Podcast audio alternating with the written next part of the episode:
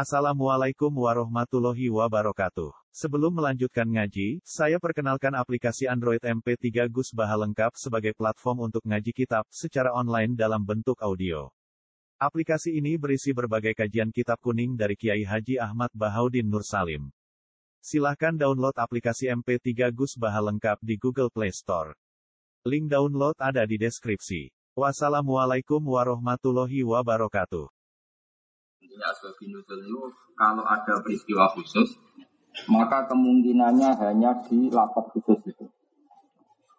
Saya ulang lagi ya, asbab nuzul itu mengikat sekali, sehingga kalau ada lapat umum, kok kejadiannya khusus, maka kita anggap khusus dulu. Setelah dianggap khusus, baru ada kemungkinan al-ibratu bi umumin lafdi latu khususis sebab jangan dibalik. Terus yang liberal itu kualik, pakai ya kualik. Jadi misalnya kayak gini ya, ada ayat yang asal usulnya begini. Dulu Rasulullah menghadap mana kalau sholat? Baitul Maqdis itu 16 bulan berapa? Kemudian Nabi itu sering melihat Mekah. Dan ketika melihat Mekah, Nabi itu kelihatan ingin sekali kiblatnya dirubah ke Mekah. Setelah itu dituruti sama Allah dengan istilah qadnara taqalluba wajika fisama falan wal lianaka kiblatan tartuha. Kemudian Nabi madep Ka'bah. Dengerin ya. Tapi uniknya pangeran ketika Nabi madep Ka'bah di istilah no fa'ai nama tuwalu fatam mawajuwa Muhammad ke madep diwae neng didi konon diwae ono ridane Allah. Itu kalau diartikan secara umum lafzi berarti madep ngetan oleh, ngalor oleh, ngidul oleh, bebas. Mereka fa'ai nama tuwalu fatam mawajuwa. Maka yang seperti ini mau tidak mau al ibrotu bi khususis sabab. Ya, al ibrotu bi khususis sabab. Bahwa ayat itu meskipun umum maknanya tetap khususis sabab. Yaitu dari madhab Baitul Maqdis hanya madhab Ka'bah. Meskipun ayatnya umum nama fa'ayina ma tuwallu fatam mawajiwa. Kapan saja, ke mana saja Anda menghadapkan, maka di mana-mana ya dari dani Allah. Sehingga asbab nuzul ini mengikat dalam ayat seperti ini apa? Al ibrotu bi khususis sabab. Ada contoh lagi misalnya satu hal yang ma'ruf. Ya, seperti yang saya katakan tadi, eh, kulo ngaji ini karena ini nopo perintah buyut kulo bahwa terus kulo tetap ngawas karena memang ini amal beliau. Rian bah kaulo kandung jadi kabundut itu saya ngangkat kulo sekolah. Padahal mun posisi PK kulo tetap sekolah. Terus ini mungkin tidak terus apa nopo beliau karena yang minta ngaji tadi ini itu beliau. Dengerin lagi ya. Ada kejadian khusus yang selalu dikenal di era itu disebut waki atau ainin dalam ilmu sulfukir disebut apa? Waki atau ainin. Ada ulama menyebut haji satu ainin kejadian saat itu. Itu juga mengikat. Sehingga lafat umum itu tidak penting. Yang penting adalah khususis dalam hal, hal ini. Saya akan ngomong begini terus sampai mati. Karena sekarang banyak orang mengartikan Quran pakai terjemah. Senengannya berpegangan al-ibrotu bi umumil la buhi. Itu salah kaprah. Jadi sebetulnya ada posisinya, ada aturannya.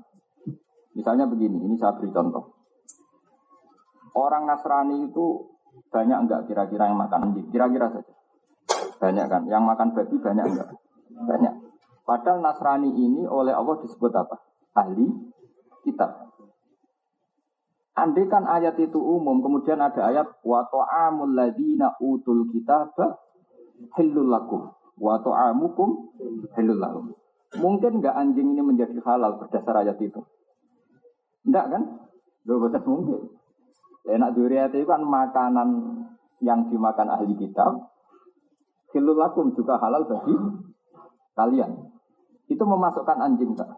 Enggak kan? Memasukkan babi enggak? Enggak kan? Memasukkan batang enggak? Enggak. Padahal nak dohiri, ter, terjemah.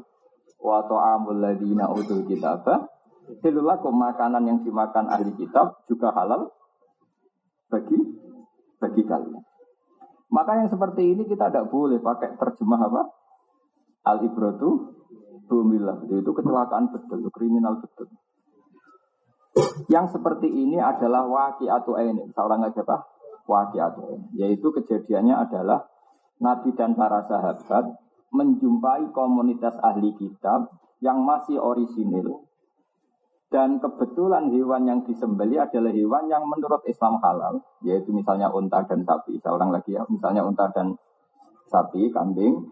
Kemudian unta dan sapi yang menurut kita halal disembeli oleh ahli kitab yang era itu masih orisinil. Nah, yang jenis ini masuk ayat wa ta'amul ladina utul kitab khillul lakum wa ta'amukum Tidak boleh diterjemah semua yang dimakan ahli kitab makanan halal bagi kalian. Terus gunanya apa ayat nama harrama alaikumul maitata wa dama walahmal. Makanya menurut saya asbabun nuzul itu mengikat. Mengikat. Kemudian kalau ada bukti bahwa itu tidak haji satu ainin, tidak satu kejadian spesifik, maka baru al ibratu bi umumil lafdi la bi khusus. Makanya Kata Imam Zarkasi yang ngarang kitab Al-Burhan, sebetulnya salah kaprah ketika kaidah al-ibrodu bumi lafdi itu lebih dominan. Sebenarnya harusnya yang dominan itu al-ibrodu bi khususis sebab baru kalau ada kasus tertentu baru al-ibrodu bi. Saya beri contoh lagi. Menurut kamu orang kafir itu berapa coba? Orang kafir dalam istilah Quran. Jangan pakai istilah negara. Kalau istilah negara kan nggak boleh istilah kafir dan non kafir. Di mari PBNU saya kalau ada istilah kafir dan kafir. Karena kalau dalam konteks negara ya pokoknya warga. Warga Indonesia. Uh, dalam konteks fikih Islam itu kan mau tidak mau ada orang kafir. Dan orang kafir ini terbagi dua. Ada kafir ahli kitab, yaitu kita tahu siapa Yahudi dan Nasrani. Ada kafir non-semitik, yang tidak percaya kitab samawi. Bisa majusi, bisa kafir Mekah, bisa orang Quraisy, bisa orang ateis. Pokoknya non ahli kitab. Sekarang tak bedai. Quran sering cerita enggak, ini kan banyak yang hafal Quran. Quran kan sering cerita, orang kafir itu adalah orang yang mereka di antaranya mengatakan Aida mitna wa kunna turafa wa idhaman inna lama kausun. Sebagian ayat inna lama dinun. Orang-orang kafir itu menolak adanya hari kebangkitan. Setuju? Tidak jauh saja, dan latihan pinter. Ya setuju nggak? Orang kafir itu menolak hari kebangkitan. Pertanyaannya adalah kafir yang mana? Itu adalah kafir ateis, kafir PKI, kafir komunis, kafir-kafir yang non semitik. Karena kafir-kafir yang semitik Yahudi Nasrani justru mengatakan waqalu la yadkhulal jannata illa mangkana hudan aw nasoro. Makanya setiap orang Nasrani mati kan sudah tenang bersama Bapak di surga. Itu artinya percaya hari kebangkitan enggak? Percaya. Maka artinya yang ayat Aida mitna wa kunna turoban adalah cerita tentang kafir non semitik. PKI lah cara Indonesia. Paham ya? Yang nggak percaya Tuhan, nggak percaya kebangkitan. Nanti yang percaya kebangkitan itu kafir ahli kitab. Sing sejenis waqalu la yadkhulal jannata illa man kana hudan aw. Sehingga dalam surat Bayyinah dua kafir ini dibedakan dengan atap. Dalam kaidah nahu kita tahu al atfu yaqtadi tahoyur. Kalau ada atap pasti orangnya berbeda. berbeda. Misalnya saya bilang gini. Ja'a Zaidun wa Amrun. Zaid dan Amr itu beda enggak? Beda. Sekarang ada orang mengatakan Ja'a Zaidun wa Zaidun. Meskipun kalimatnya sama orangnya beda enggak? Beda, tetap orang dua. Meskipun namanya sama-sama. Al-atfu yaqtadi tahoyur. Atap itu pasti beda. Sehingga ketika surat Bayinah menerangkan lam yakunil ladina kafaru min ahlil kitabi wal musyrikin. Yang namanya orang kafir kemungkinan pertama berjenis min ahlil kitab, kedua berjenis musyrikin karena dipakai atap. Kalau atap pasti dua hal yang ber Jenis ini pula yang terwakili ketika ada yang jenis tadi aida mitna wa kunna turaba wa idoman berarti tidak percaya hari apa? Kebangkitan. Ada yang terlalu over PD mengatakan layat hulal jannata illa manggana hudan al Nah, lalu kalau kita disuruh milih, milih yang mana? Ya milih yang ahli kitab. Karena ora ora pati tukaran teman-teman. Takkan milih kalau nggak ada pilihan. Kalau ada pilihan yang milih sambil gambar. Ini kalau nggak ada pilihan. Karena ahli kitab sudah ada kemiripan. Yaitu percaya bahas. Percaya apa? percaya adanya surga dan neraka. Bedanya dengan kita kan urusan klaim. 01 dan 02 ini kan urusan klaim. Ya bedanya dengan kita kan urusan klaim. Kira-kira misalnya ada pendeta tanya santri damaran, kamu percaya surga enggak? Oh ya percaya kan gitu. Terus kamu pendeta ya percaya. Berarti Pak Pendeta dan Pak Kiai sama, sama-sama percaya ada hari kebang. Lalu yang menghuni surga siapa? Kata Pak Kiai ya saya lah. Kata pendeta ya saya lah. Itu urusan Tapi kan kesamaannya banyak. Sama-sama yakin ada, sama-sama yakin ada kebang. Nah karena ada kesian kesamaan ini, ahli kitab dihormati Allah dalam banyak hal, dalam muamalat, yaitu waktu amul ladina utul kitab lakum. Paham ya? Makanya ini khusus ahli kitab. Karena tadi ada sisi kesamaan percaya apa? Percaya apa? Taat. Meskipun klaim-klaiman. Mereka yakin ahli surga, tilka amaniyuhum. Terus kulha tuburan. Jika kalau suwon kalau jangan baca Quran ya seperti saya ini sekarang baca ini. Jadi yang diceritakan di surat Yasin itu kafir Quraisy atau kafir non Semitik. Sehingga mereka mengatakan Aiza siapa nanti Yasin kul yuhyi halladzi ini awalam yaral insanu anna khalaqnahu min nutfatin fa huwa khasimu mubin wa darabalana masalau wa nasiya khalq. Masalah itu gini uh, Walid bin Muwiro. Ini belum ada menurut. Apa menurut? Nanti ikut yang menurut aja. Jadi kaulan dan Anut ketuanya. uh, orang kafir, Walid atau ya ada Robi'ah, ada Utbah, banyak kafir lah. Itu membawa tulang belulang yang sudah membiru. Kemudian diremas, diremas terus hancur lebur di tangannya si Walid tadi atau orang kafir siapa pun. Setelah hancur lebur itu disawurno oleh wajah Nabi. Muhammad apa seperti ini bisa bangkit lagi? Di sini wadur balana masalah wanasya Ini apa? Wadur balana masalah wanasya khalqah qala may yuhil iloma Jadi setelah diremas-remas disawurkan ke Nabi terus dia bilang Muhammad masa seperti ini bisa kembali jadi manusia. Bersama Allah dijawab awalam yarol insanu anna khalaqnahu min nutfatin fa idza huwa khasimun. Terus wadar balana masalah wa nasya khalqa qala ma fil idham wa ya terus kul yuhyiha alladzi ansha'aha awal Tentu yang diceritakan di Yasin ini nggak mungkin dialami oleh Yahudi Nasrani karena Yahudi Nasrani percaya ada hari kebangkitan dan mereka mengklaim mereka itu ahli sur. Ya, maka yang di surat Yasin karena ayatnya Makkiyah berarti tentang kafir Kures, berarti non semitik. Tapi yang di surat Baqarah, layat khulal jannata ilama kana hudana nasara, Baqarah ayat malah Madaniyah. Kalau Madaniyah, Nabi sudah bersinggungan dengan Yahudi Nas. Jadi itu termasuk gunanya mengetahui asbabin nuzul. Sama-sama kafir, ada kafir yang masih apa non apa semitik, ada yang sudah semitik. Pasti temanya beda. Nah kita kalau terpaksa, seorang lagi kalau terpaksa tentu lebih baik berteman sama yang masih semitik. Ada mirip-mirip samanya, percaya hari akhir, percaya adanya na, nabi, percaya ada kekuatan X. Sehingga kalau menghadapi tema-tema ahli kitab, Allah mengajarkan Rasulnya la tusaddiquhum wa la tukadzibun. Disebut wa la tujadilu ahlal kitab illa billati hiya ahsan. Misalnya sampean tak bedei, sampean ketemu orang Yahudi, terus kamu tanya, nabimu siapa? Musa. Kamu percaya enggak kalau Musa nabi? Percaya. Yahudi ya percaya, kamu ya percaya. Beda kalau kamu tanya PKI, Musa itu siapa? Ya manusia. Pusing kan? Sehingga ketika Rasulullah di Medina, itu orang Yahudi itu puasa hari 10, 10 suruh. Nabi karena umi tanya, Coba tanyakan orang Yahudi kenapa puasa tanggal 10.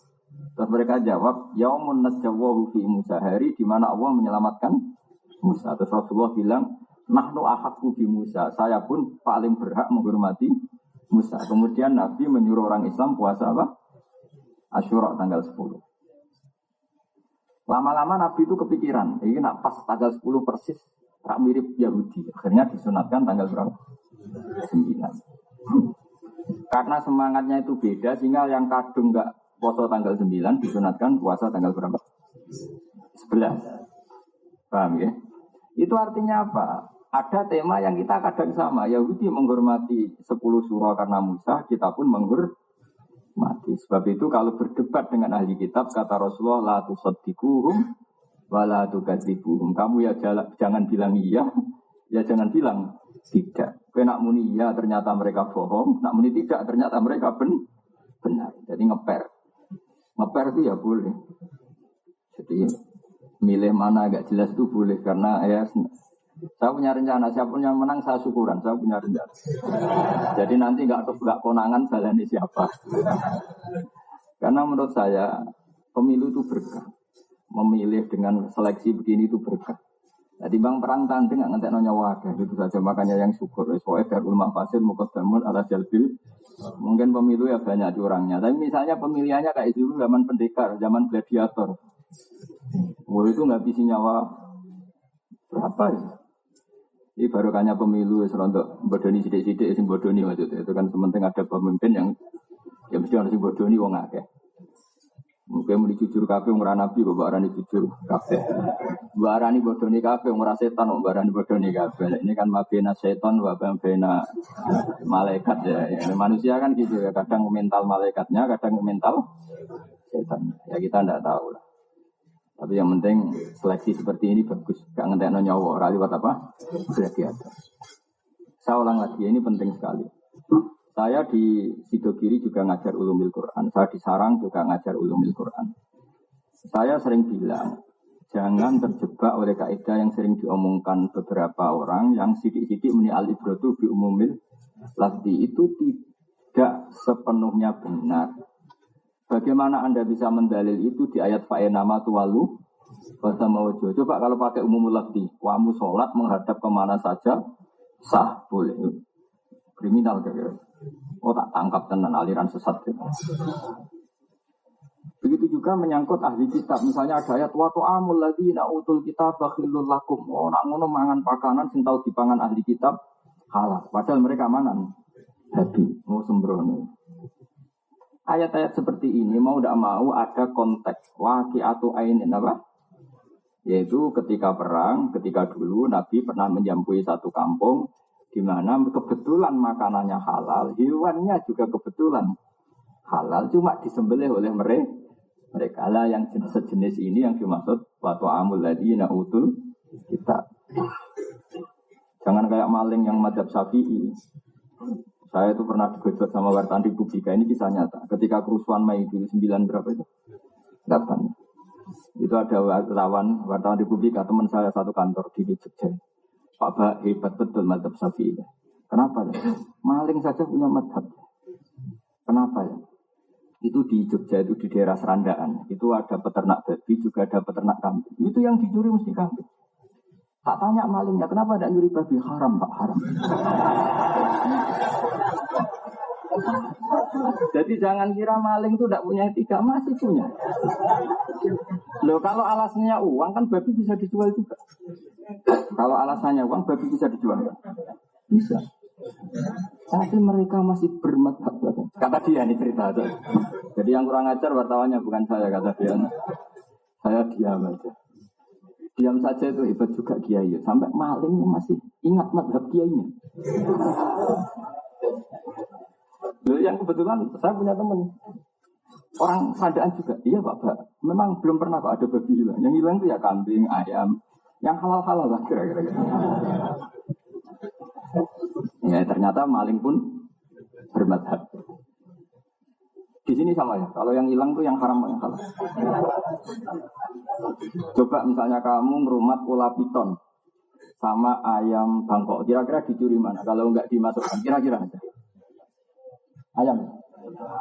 Tetap milih yang halal ya. Minang kalau budi, kira-kira. Jadi intinya kiai itu sukses tuh, didik madhab itu sampai. Terus ada satu lagi wartawan cerita, iya Bapak, dulu kerusuhan Jakarta itu kan ada pasar ya, kan ada pasar daging babi, daging apa, sapi. Itu yang daging babi itu tuh, nggak dijarah. Terus ada temennya orang Madura itu kebetulan keliru ngambil daging babi. Lu itu babi haram dibuang. Padahal yang sapi juga haram karena hasil apa? Ya, itu makanya kita harus syukur. Jadi madhab kita itu madhab yang sampai orang fasik pun masih ikut. itu kayak di daerah sana itu ada daerah itu daerah jaduk. Itu dungane jaduk nggak gue jal jalut.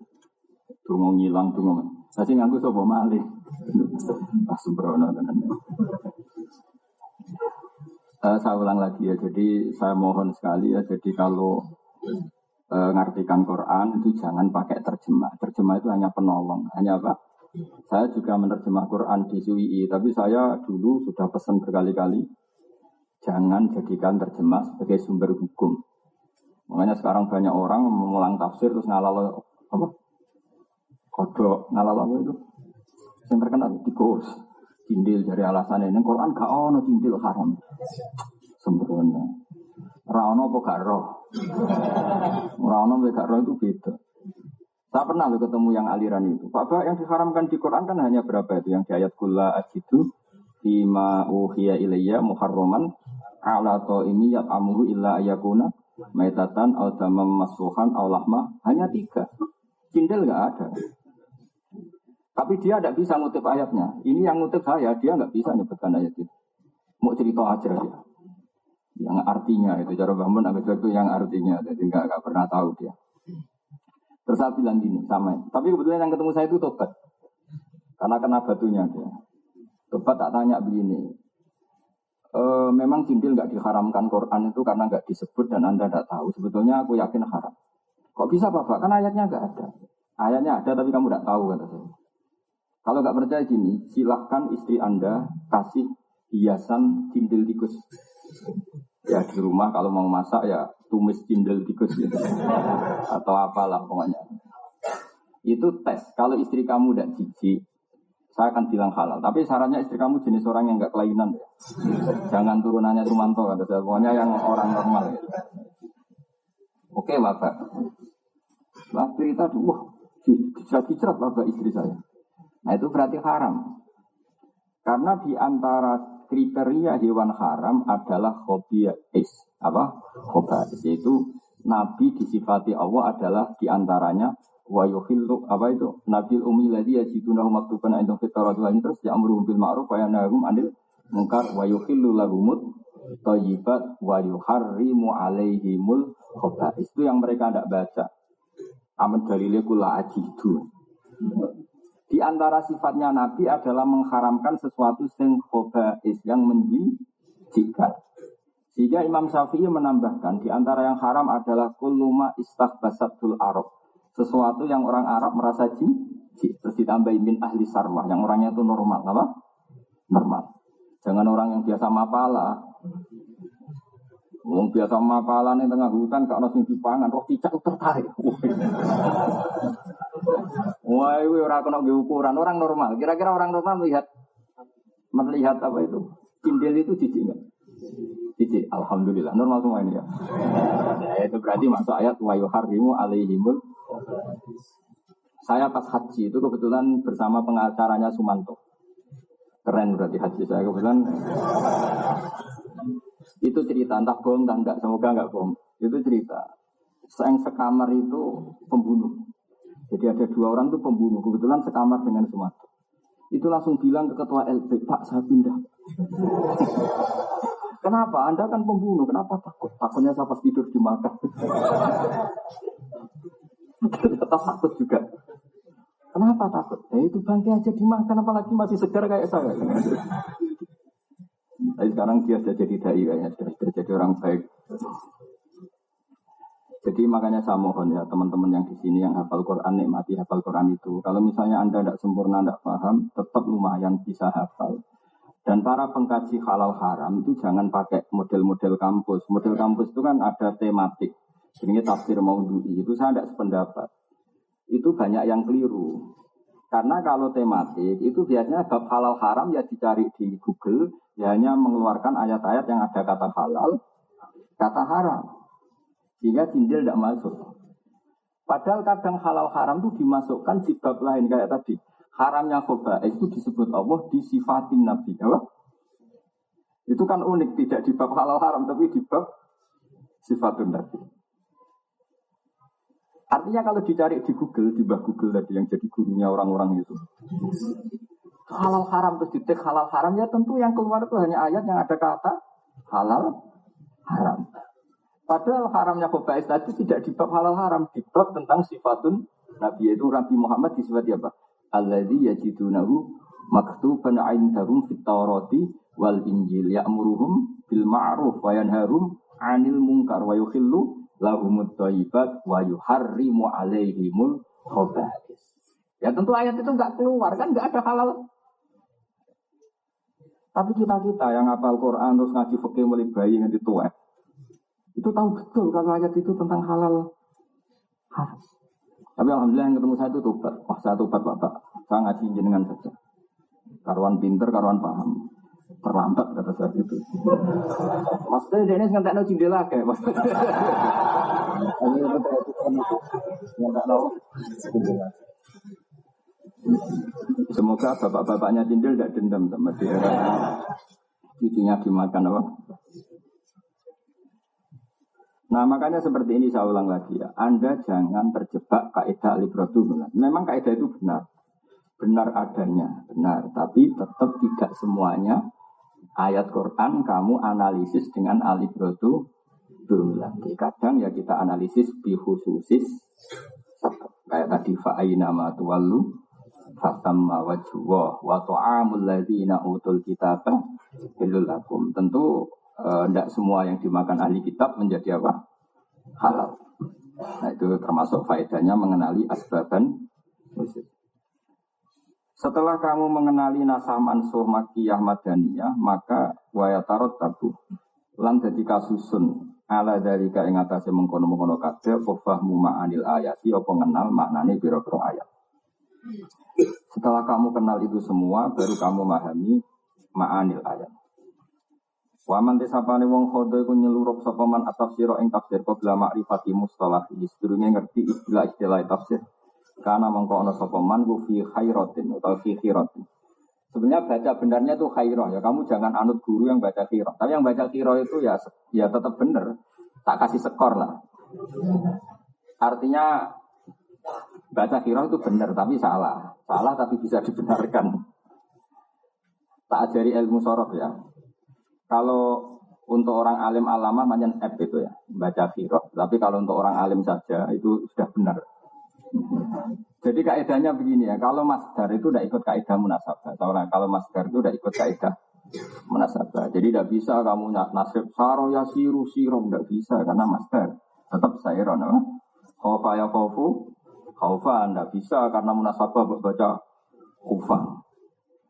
Ya kalau master ya. Tapi kalau tidak master itu e, bisa harokat asli, bisa harokat munasabah. Tapi misalnya ada baca khiroh ya menurut saya ya benar. Karena memang ada iya yang munasabahnya kasroh. E, dan kebetulan orang Arab itu mendukung kesalahan itu. Jadi alhamdulillah orang Arab kami itu kalau baca ya saya berkali-kali ketemu orang Arab. Eh, kaifa anta idza kunta fi dzikil ma'isha. Mereka tidak bisa baca dzikil ma'isha, bacanya dzikil ma'isha. Kaifa anta idza kunta fi dzikil ma'isha. Saya bilang, ya Syekh dzikil ma'isha Allah Allah dzikil ma'isha. Wah repot. Ini bahasa malah keliru. Ini sing ilat gambaran bener kalau ilat Arab salah. Arab-Arab ami repot. Tapi yang Arab-Arab orang alim mesti bacanya doikul ma'isha. Karena Quran kita juga falataku Fidoikin apa? Wala ataku Fidoikin. Kira kita kan doikin apa? Kenapa doikin? Ya karena master. Doko ya diku doikon. Saro ya siru. Tidak bisa mentang-mentang nasabah saro ya siru. Siron terus siru siron. Tidak ada gitu.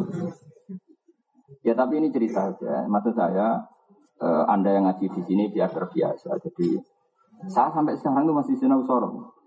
Jangan kira saya terus tidak sinau sampai sekarang masih sinau. Karena saya ingin Lugat saya itu yang terbaik, fusha. Bukan karena saya ingin sombong, enggak. Saya ini bawa Quran, malu. Malu kalau ada Quran tidak dikasta terbaik. Makanya kira kita doikin. Apa? Doikin. Kenapa kok doikin? Karena master. Master itu aslul mustaqot. Apa? Sehingga dia tidak kena ilal. Nah kalau master di ilal bisa? Doikin di ilang pisan. Uli batil ya'u alifan. Terus jadi doko. Barang doko mirip fi'il mati. Bingung itu piye. Nah kenapa doko asluhu doyako di ilal kan asluhu kawana? Karena dia fi'il mati masih kena elal. Kalau master kalau di ilal pisan Ridwan asluhu kaunan asluhu bingung gak berubah. Nah karena masdar itu aslul mustaqot, fi'il yang enggak diketahui asal usulnya dilacak di masdar. Misalnya kana ini asbab wawi atau ya'i, lihat kaunan berarti asbab wawi. Saro kita tidak tahu, wawi apa ya'i, lihat sayro. Makanya rodia yang sudah jelas nakis ya'i, rodia. Itu orang tetap bilang nakis wawi. Padahal rodia ada yaknya. Nakis ya'i apa wawi? Wawi karena masdarnya ridwan, apa? Ridwan. Karena ilal rodia asluhu rodiwa ala wasli fa'ila. Ubdilatil wawu ya an ditafat sari makop. Nah, karena maskernya ridwan. Semalam bedong. Makanya ini hormat saya sama Mbak Ba. Jadi beliau mungkin nyuruh saya ngajar di sini. Beliau datang ke rumah satu berkali-kali. Selain nilai saya sebagai cucu juga disuruh ngajar. Makanya saya alhamdulillah tadi menangi apa? Menangi semuanya lah saya datang.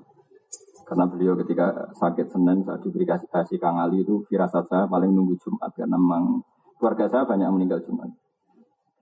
Batur kan juga Jumat. Ya paling juga. Jadi ya ya sudah lah makanya saya tetap ngaji ya. Jadi ini bentuk penghormatan kita karena wanat tubuh makodamu wa atharohum. Semoga ngaji ini asar dari perintah beliau sehingga menjadi amal apa?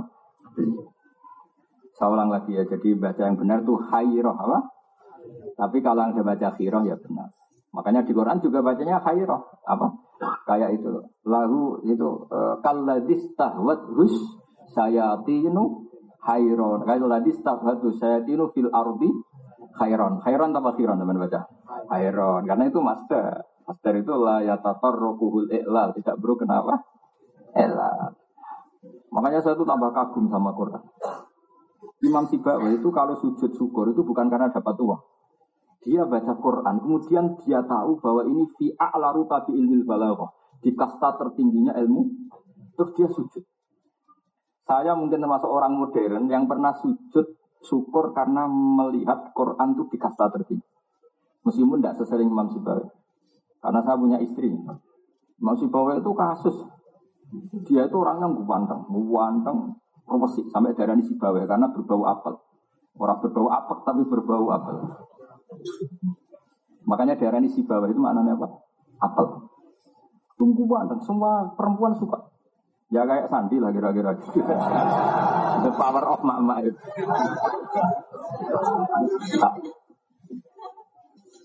Ya kayak Hamdani lah, Hamdani. itu itu siapa itu?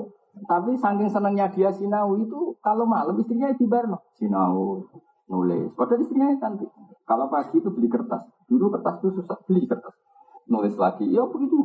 Bujurnya di Barno. Saking mangkalnya siapa? Istrinya. Itu dia pas ke pasar semua kitabnya dibakar. Nah karangannya beliau itu banyak. Tidak satu tok tapi dibakar miranya istrinya setelah dibakar itu dia ingat istrinya ternyata tidak malah dicerai. Ya akhirnya dia nggak nggak punya istri. Saya di rumah sering sinau. Saya pernah loh ngaji Jumat kayak gini. Ketemu istri saya itu jam satu. Saya ngaji begini, terus pulang, habis sisa saya ngaji sama kangkang kecil.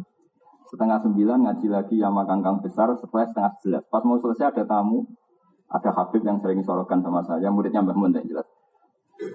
Akhirnya saya ngaji lagi sorokan sampai setengah dua belas. Setelah itu ya saya masuk, kata istri saya, eling nanti buju. Ya, ya saya bilang, ya kata saya, ya eling, eling. saya ingat pertama itu Imam Sibawi, tak lihat kitab saya kok masih utuh apa Ya, oh, udah, udah bagus. Jadi nasib saya ya lumayan apa? Enggak ekstrim ya. Baiklah nasib saya itu baik. Jadi makanya saya ini syukur sekali. Kitab saya itu banyak sekali. Eh, saya dulu sempat bangga ya, bangganya syukur. Ternyata saya tidak tidak yang pertama. Sama tahu kan kitab di buyut saya ini di sini di Bapak juga banyak itu mulai buyut buyut saya zaman Mbak Maksum Mbak Soleh. Terus niru saya, saya lalah kitab saya banyak. Ada saya tidak kaya, zaman saya belum kaya pun kitab saya banyak. Jadi alhamdulillah semoga ini jadi tradisi ya kayak kita belanja kitab belanja kitab. Saman bisa ikut, nggak bisa nggak. Tapi kan nggak paham, nggak penting, keren. Nggak paham kita buat. Bensin hasut semangat. Yang hasut kan semangat. Akhirnya ngerasani terus, gak iso moco kita buat. Kalau setiap orang komentar gitu, itu dosa anda jatuh semua. Jadi anda akan jadi wali lewat jalur penghasutan. Ini ijazah, sekaligus apa? Ya, kalau Anda tidak bisa ngaji, beli aja kitab besar-besar. Gak kok kamar apa? Tamu. Ruang apa? Mesti yang kasut semangat. Nah insya Allah barokahnya orang ngerasani terus itu keren. Kan kalau orang ngerasani itu kan gimana? Kebaikannya dikasihkan yang dirasani, keburukan yang dirasani dikasihkan yang kira-kira yang ngerasani itu ribuan gitu. Pemenang kita apa sih kuat di emasmu?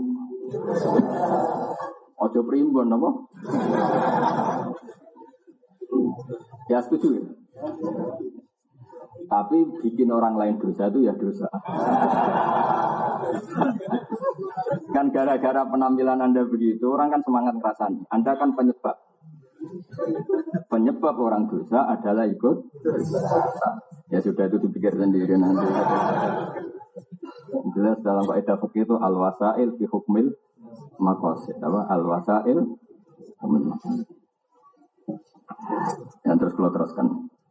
Karena mengkono sopeman fi khairatin ing dalam kebingungan. Wa qala lan sisi apa nasatu semangat man wal tabasat lan dadi jumbuh alih ing atas man apa al maqasid itu pira-pira tujuan. Ilmu tafsiri. Gua te ilmu tafsir ku makhudun bin alab min qaulihim sangking dawe ulama atau dawe wong Arab fasar tu syai'a idza bayantahu. Misalnya ada orang bilang fasar tu syai'a saya fasar tu syai'a. Maknanya berarti idza bayan nalikane nggih penjelasan sira ing Jadi maknanya fasar tu Quran ay bayantul Quran. Jadi mentafsiri Quran artinya menjelaskan Quran. Jadi enggak masalah ilmu tafsir pasti bagus. Wasumi alan dinarani apa ilmu ilmu al matur kang kasebut diarani tafsiron ing tafsir li annahu li anna tafsir yubayinu. Iku jelas apa tafsir Al-Qur'an ing Qur'an wa yuwaddihuhu lan memperjelas apa tafsir ing Qur'an. Kalau sampean tanya, kenapa Quran butuh diperjelas? Satu, karena Quran ini kalam Allah, kalam yang tidak tersentuh oleh manusia itu satu. Dua, faktanya adalah tidak semua orang menyaksikan saat Quran turun. Sehingga ada kejumbuhan atau ada ketidakjelasan bagi yang tidak syahidul kisah yang menyaksikan peristiwa. Ketiga, ada hambatan bahasa. Misalnya orang Indonesia langsung baca Quran bahasa Arab. Tapi kalau yang ketiga ini hambatannya kecil sekali. Kita tahu Sayyidul Lama Hijaz adalah Syekh Nawawi, padahal dia orang Banten. Itu gurunya banyak kesamin ini. Syekh Nawawi itu gurunya Raden Jawa. Asnawi. Jadi dulu Raden Asnawi itu ngaji sama Senawi sama Banten terus punya istri terakhirnya Senawi itu dikarwa siapa? Raden siapa? Asnawi, Nyai Hamdanah ya. Jadi itu orang Indonesia. Dia pinter tafsir itu sebelum ke Mekah. Zaman di Banten sudah. Banyak orang Indonesia yang karena Allah itu menghendaki Quran itu dikenal oleh siapa saja sehingga ulama-ulama non Arab pun banyak yang bisa tafsir. Makanya yang ketiga itu kecil. Tapi ya, hambatan pertama tadi orang Arab pun bisa mengalami itu karena tidak itu kisah, tidak saksi apa sejarah. Misalnya gini, ini dengerin betul kan banyak yang hafal Quran. Misalnya ada ayat falam taqtuluhum terus walakin nawaha qatalahum wa ma romaita romaita walakin nawaha roma. Coba kalau diterjemahkan hanya gini. Kalian semua tidak merangi mereka, tapi Allah sendiri yang merangi mereka. Kamu tidak romaita, tidak melempar apa debu, tapi Allah yang melempar. Itu asbabun nuzulnya kalau tidak tahu nggak akan paham. Secerdas apa pun manusia nggak akan paham, kecuali tahu syahidul kisah. Singkat cerita Said Abbas, Said Abbas itu pamannya Nabi. Zaman itu ikut perang Badar, masih dalam kelompok orang kafir Quraisy ya. Said Abbas itu ikut pasukan Quraisy perang apa? Badar. Jadi musuhi Kanjeng Nabi. Singkat cerita itu digawa cak ansor elek. Kira-kira ya keriting ireng sok elek. Karena dulu ada aturan siapa yang menangkap musuh dapat gonima. Pokoknya dapat upah gonima. Namanya dengan gonima itu rampasan. Singkat cerita tak keriting elek itu gandeng itu dengan Nabi. Ya Rasulullah ini tawanan saya. Tapi kata saya Abbas, enggak ya Rasulullah, tadi yang nawan saya turun yang ganteng bersih. Saya tidak pernah melihat orang seganteng ini, bukan anak ini. Terus setelah kesaksian Said Abbas tadi, pamannya kan Nabi tadi, ada beberapa orang Ansar bilang, iya ya Rasulullah, tadi itu unik. Ada orang musuh kafir itu mau tak bajok sirai. Itu orang penek pedang saya sudah melundung sirai. Terus banyak kesaksian seperti itu. Banyak kesaksian. Akhirnya terus Jibril turun betul Muhammad falam takutuluhum walakin nabuha kotala. Perang Badar itu kan Nabi itu mau balani tolong atus telulas, wong kafir sewu. Itu seri pertama Nabi kalah, seri kedua kalah. Baru seri ketiga menang karena Jibril turun. Yaitu sing yumditkum bi alfin minal malaikah kadang disalah dari sesuai beberapa ayat ada yang di alfin ada yang disalah tadi apa anak. Sehingga satu-satunya peristiwa sahabat kasab, muka syafah roh malaikat ya perang badar. Jadi malaikat itu pasti itu menampakkan diri sampai asal virus sahabat, sahabat biasa pun bisa menyak. Jadi apa dibaca orang kena gludung sirai. Ono sing rong ditangkep wis ra sobat. Ketika orang-orang Ansor, orang Ansor yo menawa ya wong kudus wong Rembang, ah mumpung ada kesempatan tak aku ah. Oh ini yang nangkap saya Rasulullah itu yang bunuh saya, kan nanti dapat ghanimah. Terus dijelaskan oleh Said Abbas, enggak ya Rasul, yang nangkap saya itu orang yang ganteng sekali. Untuk saya turun falam takatuluhum walakin nawaha qatalahum. Seperti itu kalau tidak Sayyidul Qisah kan bingung. Ayat itu maksud biar. Tapi bagi Sayyidul Qisah bersaksi di perang Badar memang yang berkontribusi para malah ikat karena nalar manusia saat itu nggak mungkin men menang.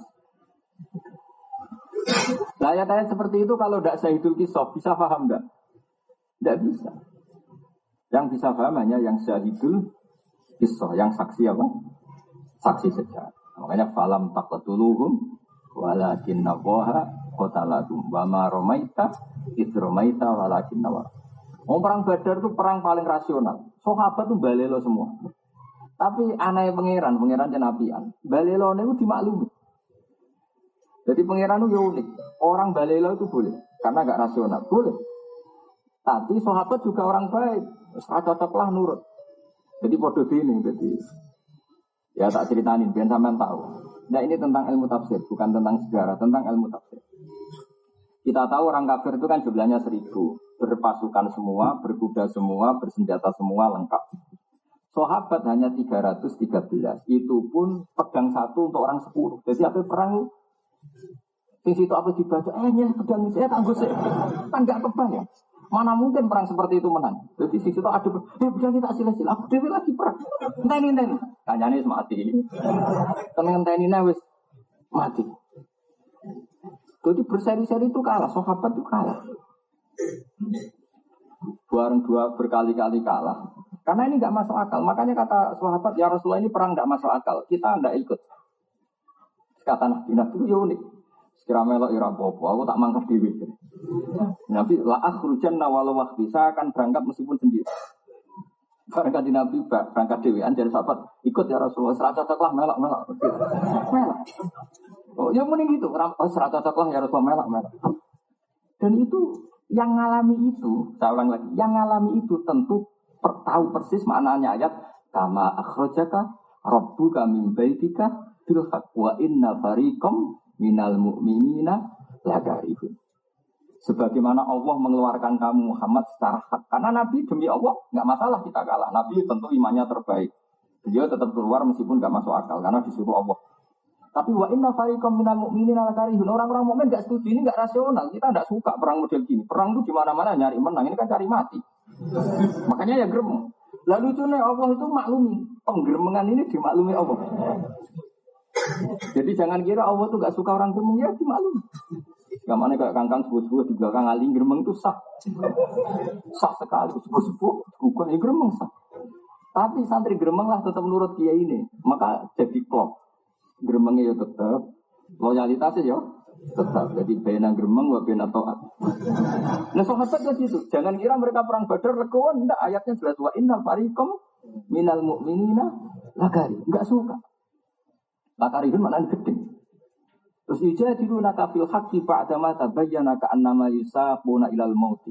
Muhammad, Ya Rasulullah wes derek mau derek. Lah apa kan? Ya suruh nyawa wae derek derek. Jadi dia itu saya kepengen menang.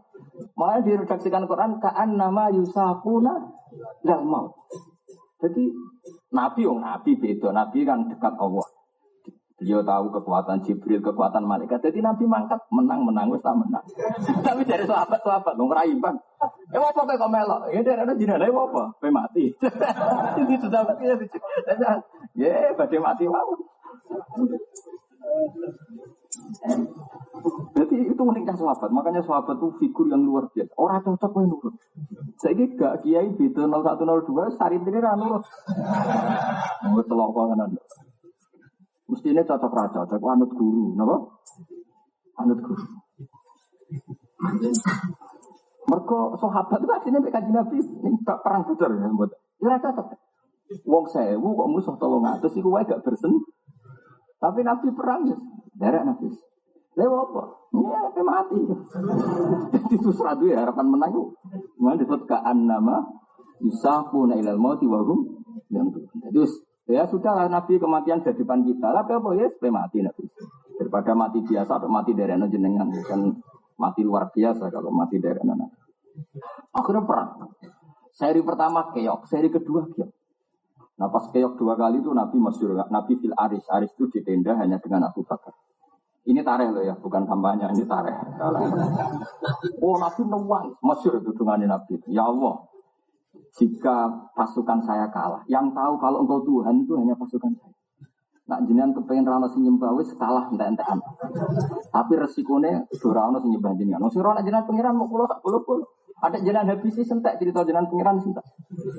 Intasa lam tubat badal intuh lik hadil isoba lam tubat badal ya sekali pasukan ini kau kalahkan yang menyembah kau sudah tidak ada karena yang tahu bahwa engkau Tuhan itu hanya kita. Kalau kita engkau habisi sudah nggak ada yang tahu engkau Tuhan. Mohon jangan milih putih kemarin. Wah akhirnya tapi tunggu udah bisa ditiru loh. Cara Pak Ma'ruf Amin memangnya kita kafir kures. Akhirnya tidak saya nerangkan tafsir, bukan nerangkan kita.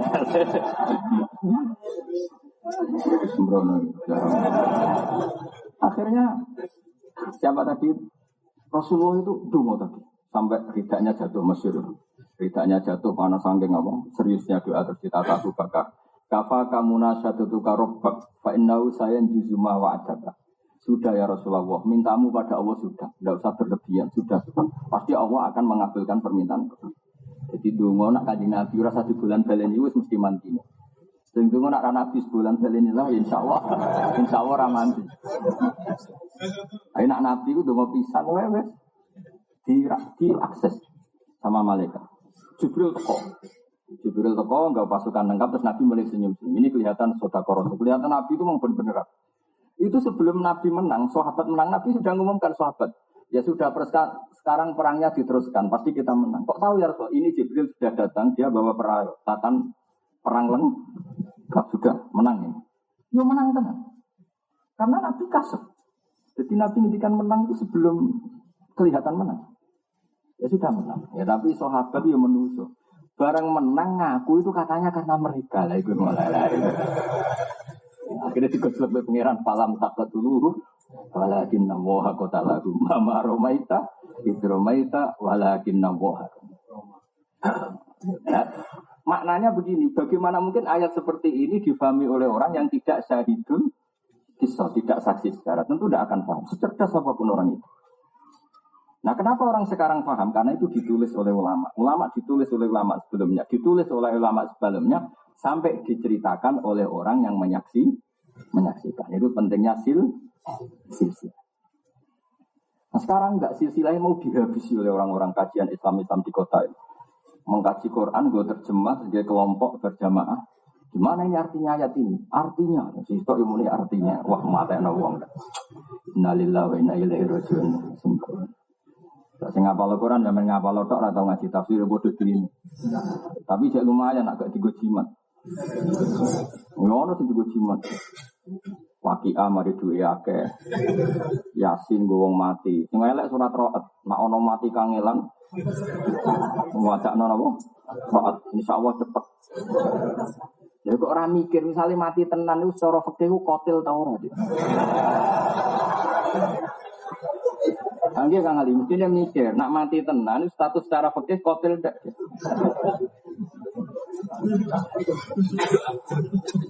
Cukuman gitu, kok pokoknya ana wonten cukuman. Kalau kita nanti orang mati kangelan, terus gue kurang ada surat terat, ya waca wae tapi aku ramal tanggung. Tidak boleh Quran dipakai seperti itu, nggak boleh. Ya, jadi kalau kita yasin untuk orang meninggal, kita yakin pahalanya yasin sampai orang meninggal. Tapi yang roh untuk itu jangan. Itu nggak ada sanatnya. Pernah dengar itu? Macam sih bawa ajaran ini gue, orang aku. Jadi itu udah dosa saya. Pelaku ya. Jadi saya nanti apa insya Allah ngaji ini lagi apa di 5 Juli ya. Jadi insya Allah saya ngaji lagi pokoknya awal apa awal Jumat Juli ya. Insya Allah tanggal berapa? 5 Juli Jumat 5 Juli. Terus sesuai janji saya tadi sampai tak ijazahi tentang kalimat la ilaha. Oh begini. Ini juga masih tafsir tapi plus ijazah jenengan. Kalimat la ilaha illallah itu kalimat yang istilah Quran disebut fa'lam apa? Harus tahu secara ilmu. Ya harus tahu secara. Caranya gimana? Kalau sampai tidak kenal Allah, carilah lafat pengganti Allah yang sering disebut Quran. Saya ulang lagi, cari pengganti kata Allah yang sering disebut Quran. Nah, yang sering disebut Quran itu sebetulnya kalimat yang sudah dipilih Allah untuk mengenalkan Allah. Nah ini bukan kata Gus Bahak, bukan kata Mbah Mun, bukan kata ulama, tapi ini Dawe Rasulullah. Cuma saya terjemahkan secara gampang. Misalnya begini, saya pernah ketemu orang ateis, orang yang nggak percaya Tuhan. Tanya saya, Pak Bahak, saya mau percaya Tuhan, syaratnya Anda bisa menjelaskan Tuhan itu siapa? PKI Kang Jan, pinter tuh. Wah, mata wong PKI tapi dokter, wah mata tapi ya turunannya orang Islam.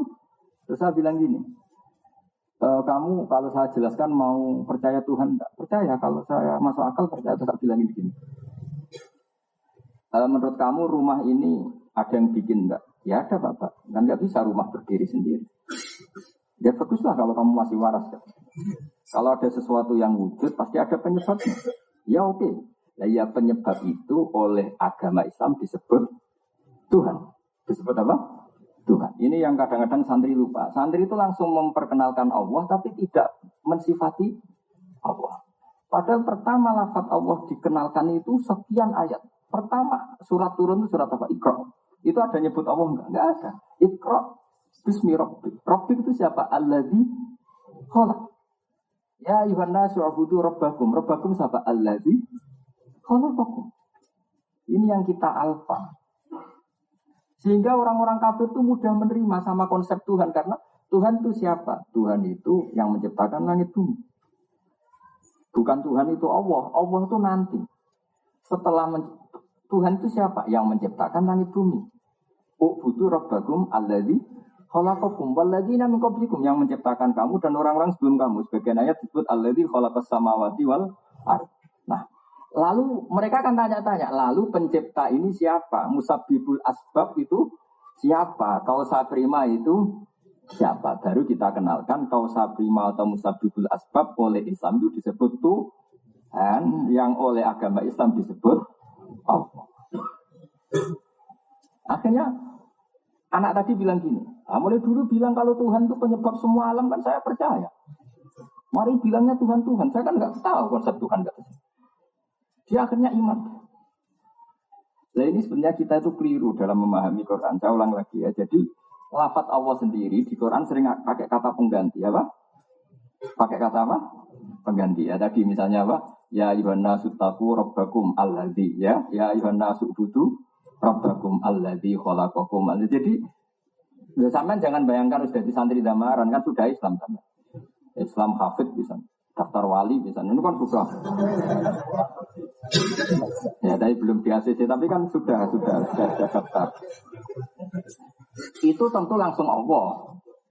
Ya, langsung apa? Bandingkan kalau kamu itu orang ateis, atau kafir Quraisy, atau orang yang belum is.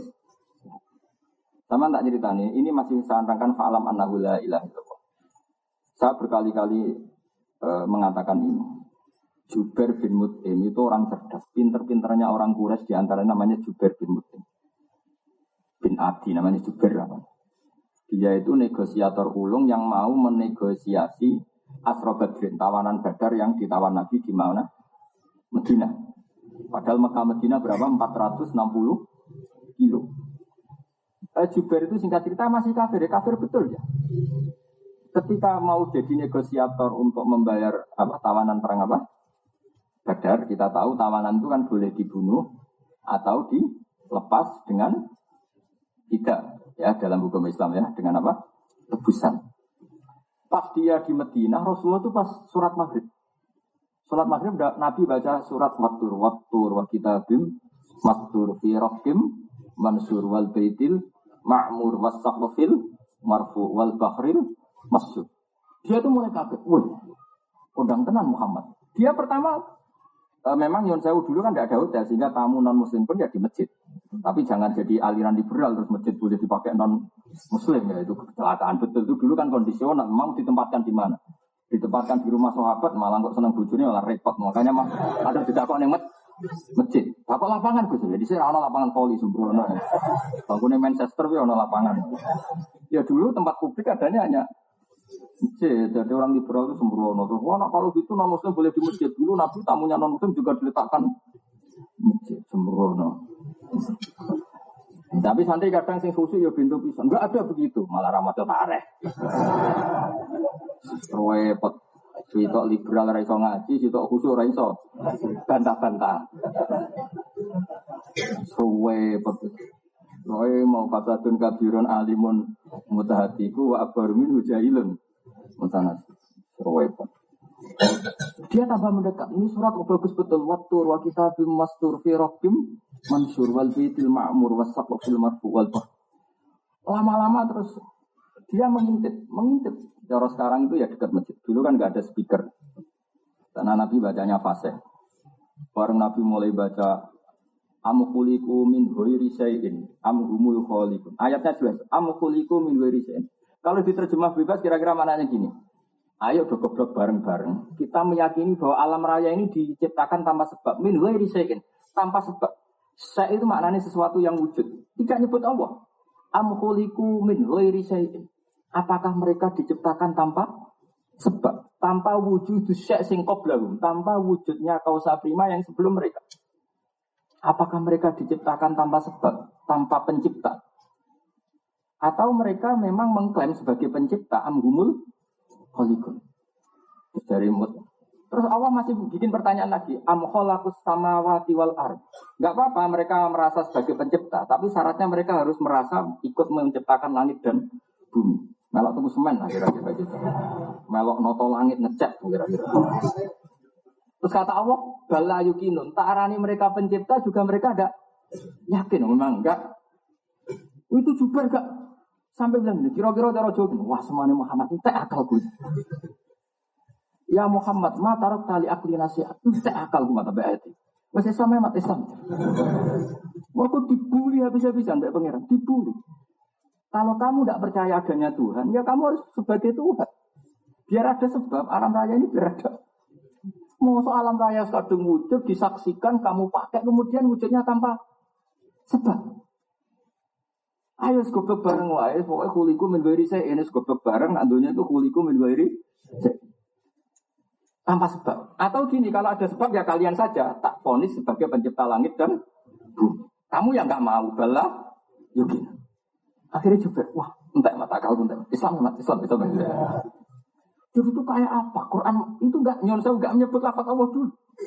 Nah setelah Islam, Kholik itu dinamai Allah. Makanya Allah itu tauqifiyah apa? Nah kita ndak, karena kita kesuwan kumpul santri damaran gini, langsung di situ Allah.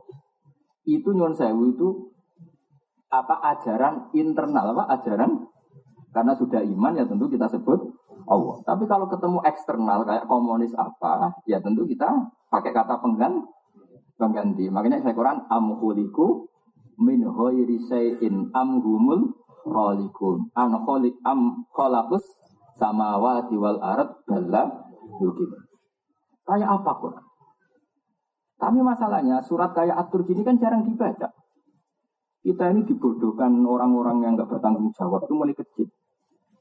Mulai kecil kita itu ayatnya semua karena mati ini dalil kulu nafsing dari kudul mau. Nah, anak cah sunat ya sama cerita Ibrahim itu disunat sampai waduk. Umurnya walang puluh tahun. Lori itu ya apa? Lori bos. Sing selangganan. Engkau nikah suamin ayati. Sehingga kita tidak tambah ilmu, sih kue. Ya betul mereka sami. Itu penerusnya Hamdani Hamdani. Ya yang nggak pernah kreatif. Nah sebetulnya itu nggak boleh seperti itu. Umat harus ditarik. Surat tur ya.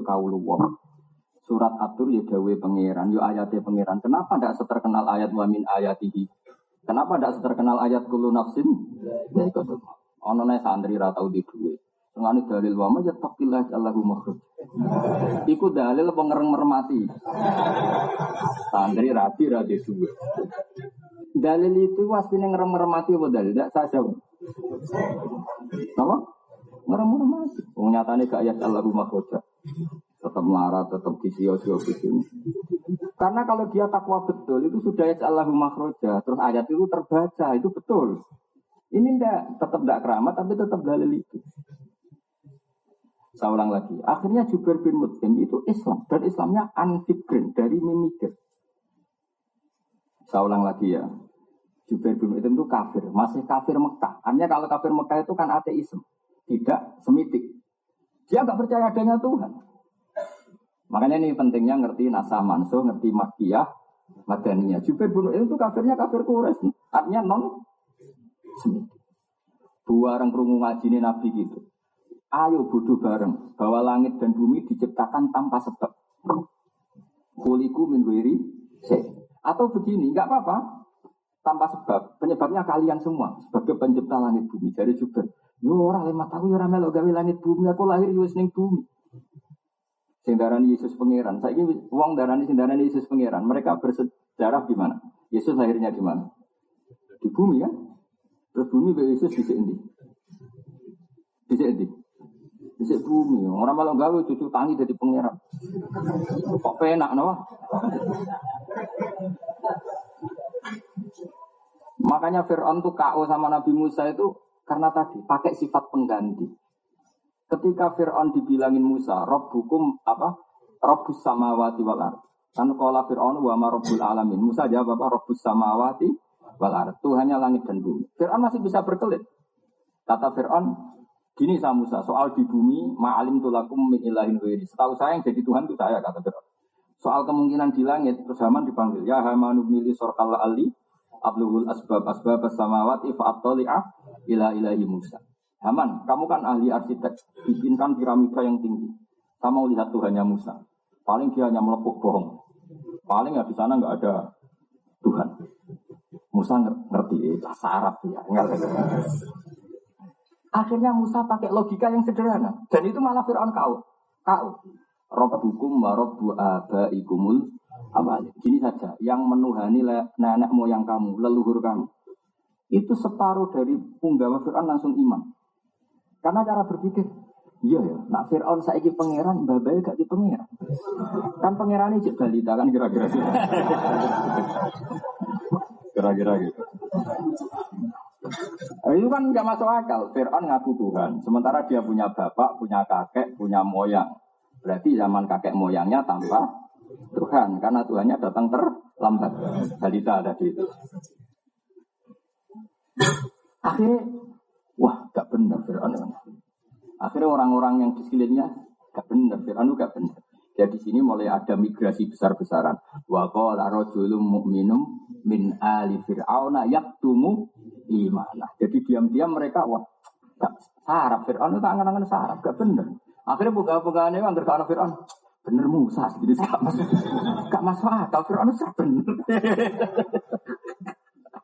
itu mandine logika dan itu nyun saya nggak nyebut kata Allah pakai kata pengganti rob hukum Rabu ada itu.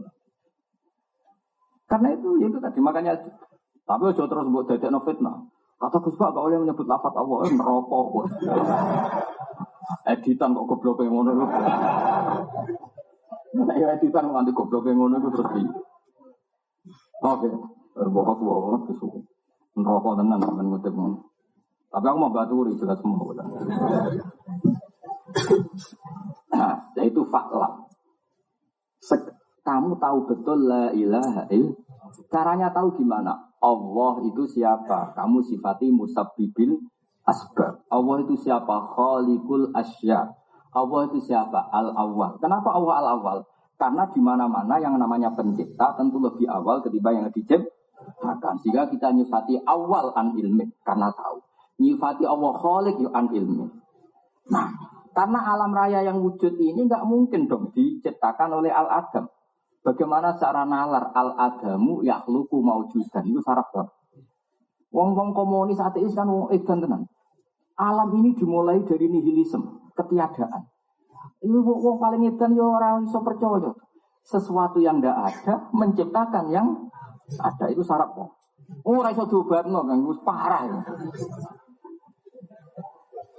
Nah, kan berarti kalimatnya al-adamu yakhluku mau judan. Sesuatu yang tidak ada menciptakan yang ada. Lu Adam itu serasa jadi sebab le dul dul. Paham ya? Mulane ulama dhisik nak ngenal no Allah itu ora langsung Allah. Allah itu sapa? Zat sing wajibil wujud. Mergo wujud itu wis kadung ono. Nek wis kadung ono penyebabnya harus wujud sing super. Lah ulama dhisik ora milenial, lah wujud sing super itu disebut wajibil wujud. Paham dong ya? Lagi nak iman wis ngono iku jenenge wis iman sing an ilmen iku fa'lam annahu la ilaha illallah. Mundong ya. Nah, kita-kita yang ulama itu hanya punya kepentingan itu. Kemudian ulama Toreko e, membantu umatnya dengan jumlahnya dibaca sekian.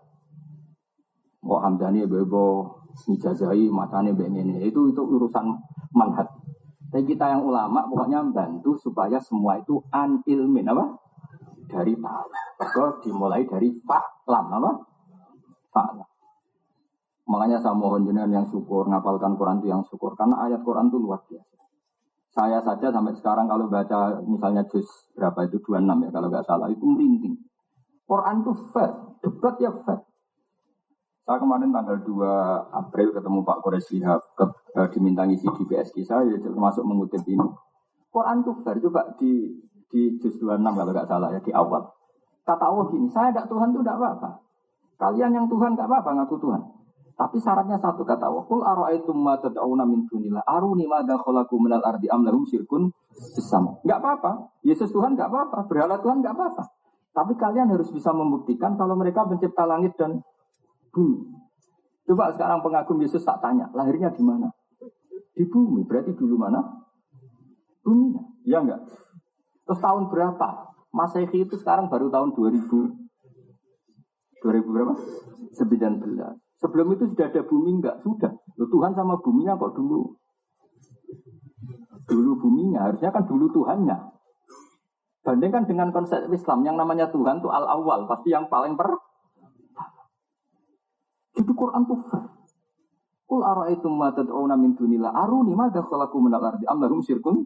Apa-apa mereka ngaku Tuhan, tapi syaratnya mereka harus bisa membuktikan ikut menciptakan langit dan mana bisa mereka membuktikan? Wong Fir'aun ape muga langit wae ape menek-menek piramida. Pangeran jira iso terbang kan gitu kira-kira. Semua. Itu Quran. Makanya kata Jubair bin Utim, matarok tali akli nasihan. Muhammad, akal saya kamu habisi. Sudah iman saja. Nah iman seperti ini disebut iman an ilmin apa? An Nah itu yang iman yang pasti diterima Allah Subhanahu wa taala. Disebut fa'lam annahu la ilaha illallah. Nah setelah iman itu benar baru wastaghfir lidam bika walil mu'minina wal mu baru istighfar kita sah. Kita tahu istighfar sah itu sause sihatit tauhid. Misalnya kamu punya bapak kafir, dimintakan ampun sah enggak? Enggak sah. Sahnya istighfar itu badat tauhid. Sehingga siapa pun yang sudah bertauhid, maka istighfarnya sah. Dan di sini disebut kulil ladina kafaru iyan tahu yufar lahum makod salah. Ada orang kafir mulai kecil sampai umur 70 tahun. Dosa enggak? Dosa. Besar enggak? Sekali dia ngelapatkan la ilaha illallah Muhammadur Rasulullah maka yufar lahum makod salah. Itu bukti makanya wastaghfir lidambika. Dewi Abdul Hasan Asadali ebaka sihatib tauhid. Jadi istighfar itu sah setelah sahnya tauhid. Tanpa sahnya tauhid, maka istighfar tidak sah. Paham ya? Karena maka nalim nabi waladina amanu ayastaghfiru lil musyrikin. Jadi jelas ya terus. Nah, tauhid yang seperti ini disebut tauhid sing fa'lan. An il Nah, kalau sudah an ilmin itu sampean sudah masuk ayat kul ini ala bayinatim merabbi bahwa saya bertauhid itu benar-benar faham. Sedetail-detailnya kayak tauhidnya Jubair bin Mut'im kayak tauhidnya Sayyidina Umar kayak tauhidnya Abu Bakar. Makanya kata Rasulullah Umar Islam baru sehari imannya akan ditimbang dengan seluruh dunia maka menang Islamnya Umar ya tentu gak dibandingkan Abu Bakar Umar kan kan sama-sama elit Badono sampean gitu. Jadi kamane Umar Islam sedino sampai sampean usah pal jus itu. Cek bolak balik bulat bulat ngono Itu cek keren Islamnya. Umar karena Islam pertama sudah an ilmi. Itu juga Islamnya Jubair bin Mut'im juga an Nah yang jenis ilmuwan-ilmuwan gini kata Rasulullah khiyarukum fil jahiliyah khiyarukum idza faquhu. Jadi orang yang zaman jahiliyah paling cerdas mereka ya tetap paling cerdas saat setelah masuk. Paham ya? Karena zaman kafir ya ngegeng, no? Lu kok rapin terbi, dia itu ketua preman pasar ukat. Ukat tuh premannya ada mudiknya ketuanya. Makanya ketika Abu Bakar wa Islam kan Nabi, waduh, ya bener Abu Bakar wapi sopan, tapi urusannya emergensi. Jadi Nabi cek ganjel. Karena Abu Bakar itu mau sopan to apian lomo. Ini masalahnya musuhnya musuh preman. Bareng Nabi tindakan melaku-melaku, roh Umar ngegeng ning uka. Wah, tuh warung gladiator menangan. Akhirnya Nabi mikir, wah anak sing Islam ini cocok. Jadi Nabi itu ya politik. Akhirnya itu Allah ma'izal Islam. Tuh, Gusti ben Islam tuh keren, Umar mawon sing Islam. Pasti ditambah Umar bener keren. Itu Nabi dulu senen teng riwayat-riwayat. Kemis Umar masuk Islam. Iku masuk Islam ya baru kayak preman. Dia itu gak terima, ada aliran anyar itu gak terima. Makanya mencari Muhammad mana Musa bunuh. Aneh-aneh. Ketemu temannya, lalu apa mati ini Muhammad? Adikmu kandung, saya ini status Muhammad. Ya nak adikku sih tak patah. Bareng marani adiknya pas ada pengajian Toha ma anjalna alikal qur'ana litasqa illa tadbiratal limai Ya, itu Umar tahu, wah ini ma huwa min kalamil. Ini pasti tidak omongan Muhammad, tidak omongan manusia. Terus dia Islam. Nah, Islam premannya Umar gak mari dan ini baru Orang preman saya ini nak tobat nyapu masjid, wah ya repot. Mestinya nak zaman preman ngegeng pasar membuat orang-orang soleh takut, pas tobat ya tetap di pasar membuat orang-orang dolem takut. Ini orang itu berarti terus nyapu masjid. Akhirnya ya orang penggantinya ning pasar tuh. Paham? Maksudnya kira ngerti, ngak ngeleng. Mestinya tetap ngegeng neng pasar. Cuma korbannya sing do. Lho. Ikra fatwa lho cerita. Umar enggak, Umar sekali masuk Islam langsung gue pedang. Ya Rasulullah, kenapa engkau bersembunyi di sini? Ya saya takut karena musuh kita banyak. Aneh, kamu itu benar kok sembunyi. Ayo bersama saya. Tak bilang. Terus bersamaan dengan itu Allah nurun ayat fasta bima tukmar. Wanani Abu Jahal Umar. Siapa yang mengganggu Rasulullah? Dia sudah nyebut Muhammad. Siapa yang mengganggu Rasulullah tak bacot. Ayo, siapa sih ganggu Rasulullah Muhammad tak bacot. Gentenan mau kafir sing dulu. Coba misalnya umat terus nyapu masjid.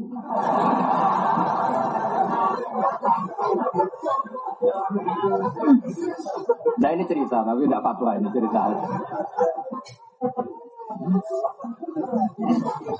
Bukan. Zaman preman dua ya gila sebenarnya terus main ngepel Ujib, bisa gua orang tuh suaranya saya feminin waduh. Preman kok berarti Hello Kitty kok. Makanya ini ini sirinya. Ya. Allah ma'izal Islam. Ya. Makanya kali Jogo itu barokah. Justru karena seperti itu. Dia mantan preman. Begal sunan apa? Bunah. Tapi mental petarungnya nggak pernah hilang. Sehingga setelah Islam dia dakwah ke mana-mana. Ketika Demak Bintoro diserang Majapahit, dia petarung. Ya, dia terus sama nyapu masjid. Ya. Repot. Maksud saya, maksudnya kan ngegeng di mana? Pasar. Dulu membuat takut orang-orang apa? Soleh, saya ya tobat, membuat takut orang-orang. Ya, orang nyapu apa? Yang masjid itu ben merpot yang digaji di rumah untuk cara lah. Tapi ini bukan fatwa, ini cerita-cerita apa? Perbandingan.